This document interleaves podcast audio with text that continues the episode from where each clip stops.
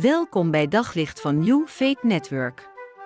Luister elke dag naar een korte overdenking met inspiratie, bemoediging en wijsheid uit de Bijbel en laat Gods woord jouw hart en gedachten verlichten. Het Nieuwe Testament wordt in eh, de eerste brief geschreven aan een gemeente in Korinthe in Griekenland, hoofdstuk 13, gesproken over de liefde. En iedere keer wordt een bepaald karaktereigenschap van de liefde genoemd. In de Bijbel in gewone taal wordt het zo verwoord. Liefde is blij worden met het goede en een hekel hebben aan het kwaad.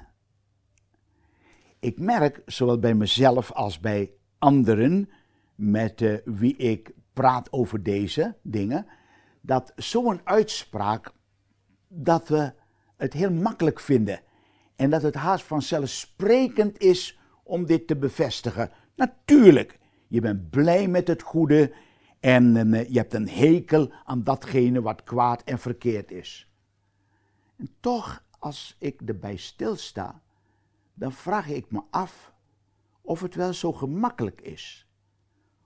Als wij onszelf eerlijk onderzoeken, dan kom ik vaak tot de conclusie dat bijvoorbeeld het goede willen doen en het goede daadwerkelijk in de praktijk brengen, dat het twee verschillende dingen zijn. Ik lees je een Bijbelgedeelte uit de brief die Paulus schrijft aan de gemeente van Rome. In hoofdstuk 7 staat er geschreven: Het goede wensen en willen is bij mij wel aanwezig, maar het goede uitwerken, dat lukt mij niet. Ik doe niet het goede wat ik wil, maar juist het kwade dat ik niet wil. Nou, ik moet eerlijk zeggen, dat is voor mij herkenbaar dat wij soms in gedachten hebben om het goede te willen doen. Maar als het in de praktijk erop aankomt, dan zit je weer met je collega's, je bent bezig te pauzeren en er wordt weer over de chef gesproken. Je had je voorgenomen, ik ga niet mee roddelen. En nog voordat je weet, ben je bezig om weer net zo hard te kletsen over de chef en in ons denken. Want het is niet alleen maar in wat we doen, maar ook in ons denken. Wat we denken, wat voor gedachten we koesteren.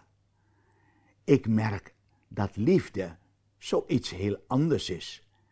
En dat maakt dat als wij God de kans geven om die liefde die Hij heeft voor ons mensen ook ons eigendom te laten worden, of beter gezegd onze karaktereigenschappen, dat je gaat merken dat je zowel van binnen als van buiten leert om het goede te omarmen en het kwade, zowel van buiten je als binnen je, echt ver van je te houden.